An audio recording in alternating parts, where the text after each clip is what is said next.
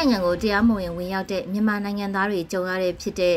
ရင်မတော်တဆမှုတွေလို့အမည်ရတဲ့မြန်မာနွေခရိုနီကယ်ဩဂုတ်လ6ရက်မြင်ကွင်းမုံမခဆောင်းပါကိုဖတ်ကြားတင်ပြပေးပါမယ်။သတင်းတွေထဲမှာမကြာခဏကြားရတဲ့သတင်းအကြောင်းအရာတစ်ခုကတော့ထိုင်းနိုင်ငံတွေကတရားမဝင်ဝင်ရောက်လာတဲ့မြန်မာနိုင်ငံသားတွေရဲ့ရင်မတော်တဆဖြစ်ပွားမှုတွေဖြစ်ပါတယ်။ဒီရင်မတော်တဆဖြစ်ပွားမှုတွေမှာအသေးပြောက်ကိန်းကနန်းကအစင်အမြဲမြင်မာလိရှိတာလည်းတွေ့ရမှာဖြစ်ပါတယ်။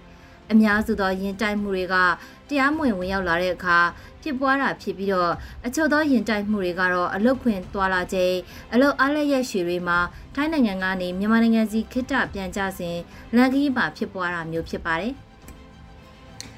အခုနောက်ဆုံးဖြစ်ပွားတဲ့ရေမတော်တဆောက်မှုကဆောက်လုပ်ရေးလုပ်ငန်းခွင်ကအလုပ်သမားတွေအလုပ်ခွင်အသွားမှာဖြစ်ပွားတာဖြစ်ပြီးတေဆုံးသူ9ဦးရှိကတန်ရာရရှိသူတွေလည်းအများအပြားရှိတယ်လို့ VOA မြန်မာပိုင်းသတင်းမှာဖော်ပြထားတာဖြစ်ပါတယ်။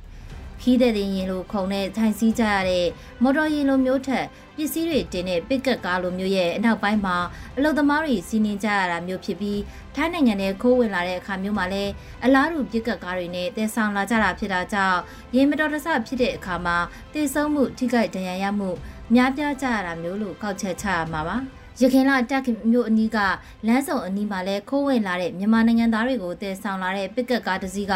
မျက်နှာချင်းဆိုင်ရင်ကကားတစ်စီးကိုတိုက်မိပြီးနေရာမှာ9ဦးသေဆုံးခဲ့တဲ့အဖြစ်အပျက်ဖြစ်ပွားခဲ့ပါသေးတယ်။အဆိုပါဖြစ်စဉ်မှာထိုင်းနိုင်ငံသားရင်မောင်းလဲသေဆုံးခဲ့ပါတယ်။စစ်စေးရေးဂိတ်တွေကိုရှောင်ကွင်းမှုနဲ့တစုံတရာစစ်မေးခံရတဲ့အခါမျိုးမှာအမြန်မောင်းပြေးနိုင်တဲ့ကားမျိုးစားဖြစ်တဲ့အခုလိုပစ်ကတ်ရင်မျိုးနဲ့တဲဆောင်လေးရှိတာလူရည်အတွက်အပြင်လဲ20လောက်ထိတင်ဆောင်လေးရှိတာကြောင့် ရင်မတော်တဆဖြစ်ပွားခဲ့ရင်ထိခိုက်သေးဆုံးမှုများပြားရတာလည်းဖြစ်ပါတယ်။မြန်မာနိုင်ငံသားတွေအနေနဲ့အခုလိုရင်မတော်တဆဖြစ်မှုတွေမှာအန္တရာယ်ရှိတယ်ဆိုတာကြားသိကောင်းကြားသိပြီးဖြစ်ကြပါလိမ့်မယ်။ဒါပေမဲ့တရားမဝင်ဝင်ရောက်တဲ့အနေအထားမှာလူမောင်ခိုတဲ့တဲ့သူကိုထိုင်းဘက်တောင်းကနန်းချီပေးရပေမဲ့လူမောင်ခိုတဲ့သူတွေအနေနဲ့ရင်မတော်တဆအန္တရာယ်ကင်းမှုထက်အကျိုးပြတ်များများကြံဖို့ထိုင်းရဲဘက်ခံရအောင်စတဲ့အချက်တွေကိုဦးစားပေးကြတာကြောင့် ထိုင်းနိုင်ငံထဲခိုးဝင်အလုပ်လုပ်တဲ့လန်ခီမှာအန်နီယယ်တွေပြည့်နှက်နေတာဖြစ်ပါတယ်။မြန်မာနိုင်ငံအတွင်းမှာလည်းနေရာနဲ့လက်နက်ကင်တိုက်ပွဲတွေဖြစ်ပွားလာတာတွေ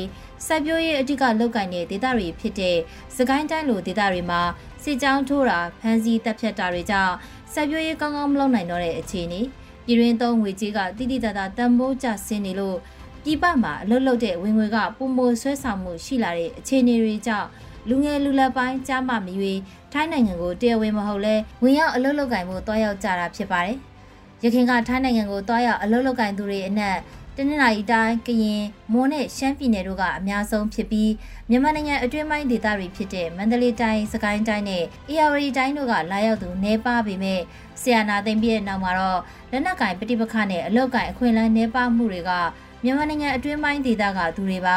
ထိုင်းနိုင်ငံကိုဥတီတွားရောက်လာကြတာတွေ့ရတာဖြစ်ပါတယ်။တပည့်ရင်းမြို့နယ်လက်ရက်ကုန်းကျေးရွာကစာတင်ကျောင်းကိုစစ်ကောင်စီလေကြောင်းတိုက်ခိုက်ခဲ့စဉ်တေဆုံးသွားတဲ့ကလေးငယ်တူရဲ့မိဘနှစ်ပါးစလုံးဟာထိုင်းနိုင်ငံမဟာချိုင်ဒေသမှာရွှေပြောင်းလုံသားအဖြစ်လှုပ်လှုပ်ကင်နေကြသူတွေဖြစ်ပါတယ်။မြန်မာနိုင်ငံရဲ့ပြည်ရင်းဖြစ်ပွားနေတဲ့စစ်ပွဲတွေဖမ်းဆီးမှုတွေအလောက်ကင်အခွင့်အလမ်းရှားပါးလာမှုတွေကအိန္ဒိချင်းနိုင်ငံစီရွှေပြောင်းအလုပ်သမားအဖြစ်တွားရောက်ဖို့ပုံမတွန်းအားပေးတယ်လို့ဖြစ်စေပြီး တရားမဝင်ဝင်ရောက်တဲ့အခြေအနေအောက်မှာဘေးကင်းရေးလူအခွင့်ရေးအလုပ်သမားအခွင့်ရေးဆိုတာတွေဘာကိုမျှခရီးမထားနိုင်တော့တဲ့အခြေအနေမျိုးဖြစ်က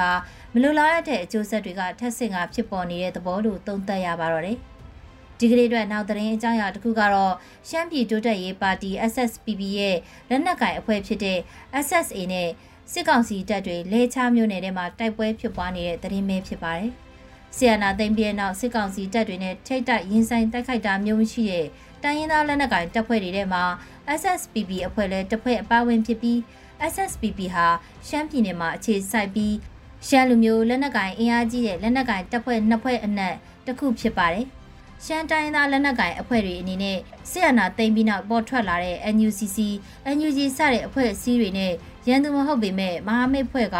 စစ်ကောင်စီကိုတိုက်ခိုက်တာမျိုးတွေလည်းမလုပ်ကြပါဘူး။ ရှမ်းလူမျိုးတွေရဲ့ကိုပိုင်အုပ်ချုပ်ခွင့်ကိုပိုင်ပြဋ္ဌာန်းခွင့်အရေးကို၎င်းတို့ရှုထောင့်ကနေချင်းကပ်ကြပြီးစစ်ကောင်စီနဲ့မဟာဗျူဟာအဖြစ်ဒါမှမဟုတ်နီးဗျူဟာအဖြစ်တော့၎င်းငញ្ញရေးဆွေးနွေးမှုဆိုတဲ့အစည်းအဝေးတွေကိုတက်ရောက်ခဲ့ကြတာဖြစ်ပါတယ်။တစ်ဖက်မှာလည်းအနောက်နိုင်ငံအုပ်စုနဲ့နီးစပ်တယ်လို့ယူဆချက်တွေတရုတ်နိုင်ငံနဲ့ရင်းနှီးတဲ့ဆက်ဆံရေးအများပြည်သူမသိနိုင်တဲ့ဆက်ဆံပြောဆိုမှုတွေသဘောထားအမြင်တူညီမှုတွေရှိနိုင်တယ်ဆိုတဲ့သဘောမျိုးအခဲဖြတ်ယူဆမှုတွေရှိနေကြပြီးမြန်မာနိုင်ငံရဲ့ တိုင်းရင်းသားနယ်မြေတွေအနက်အကျယ်ပြန့်ဆုံးသောဒေသ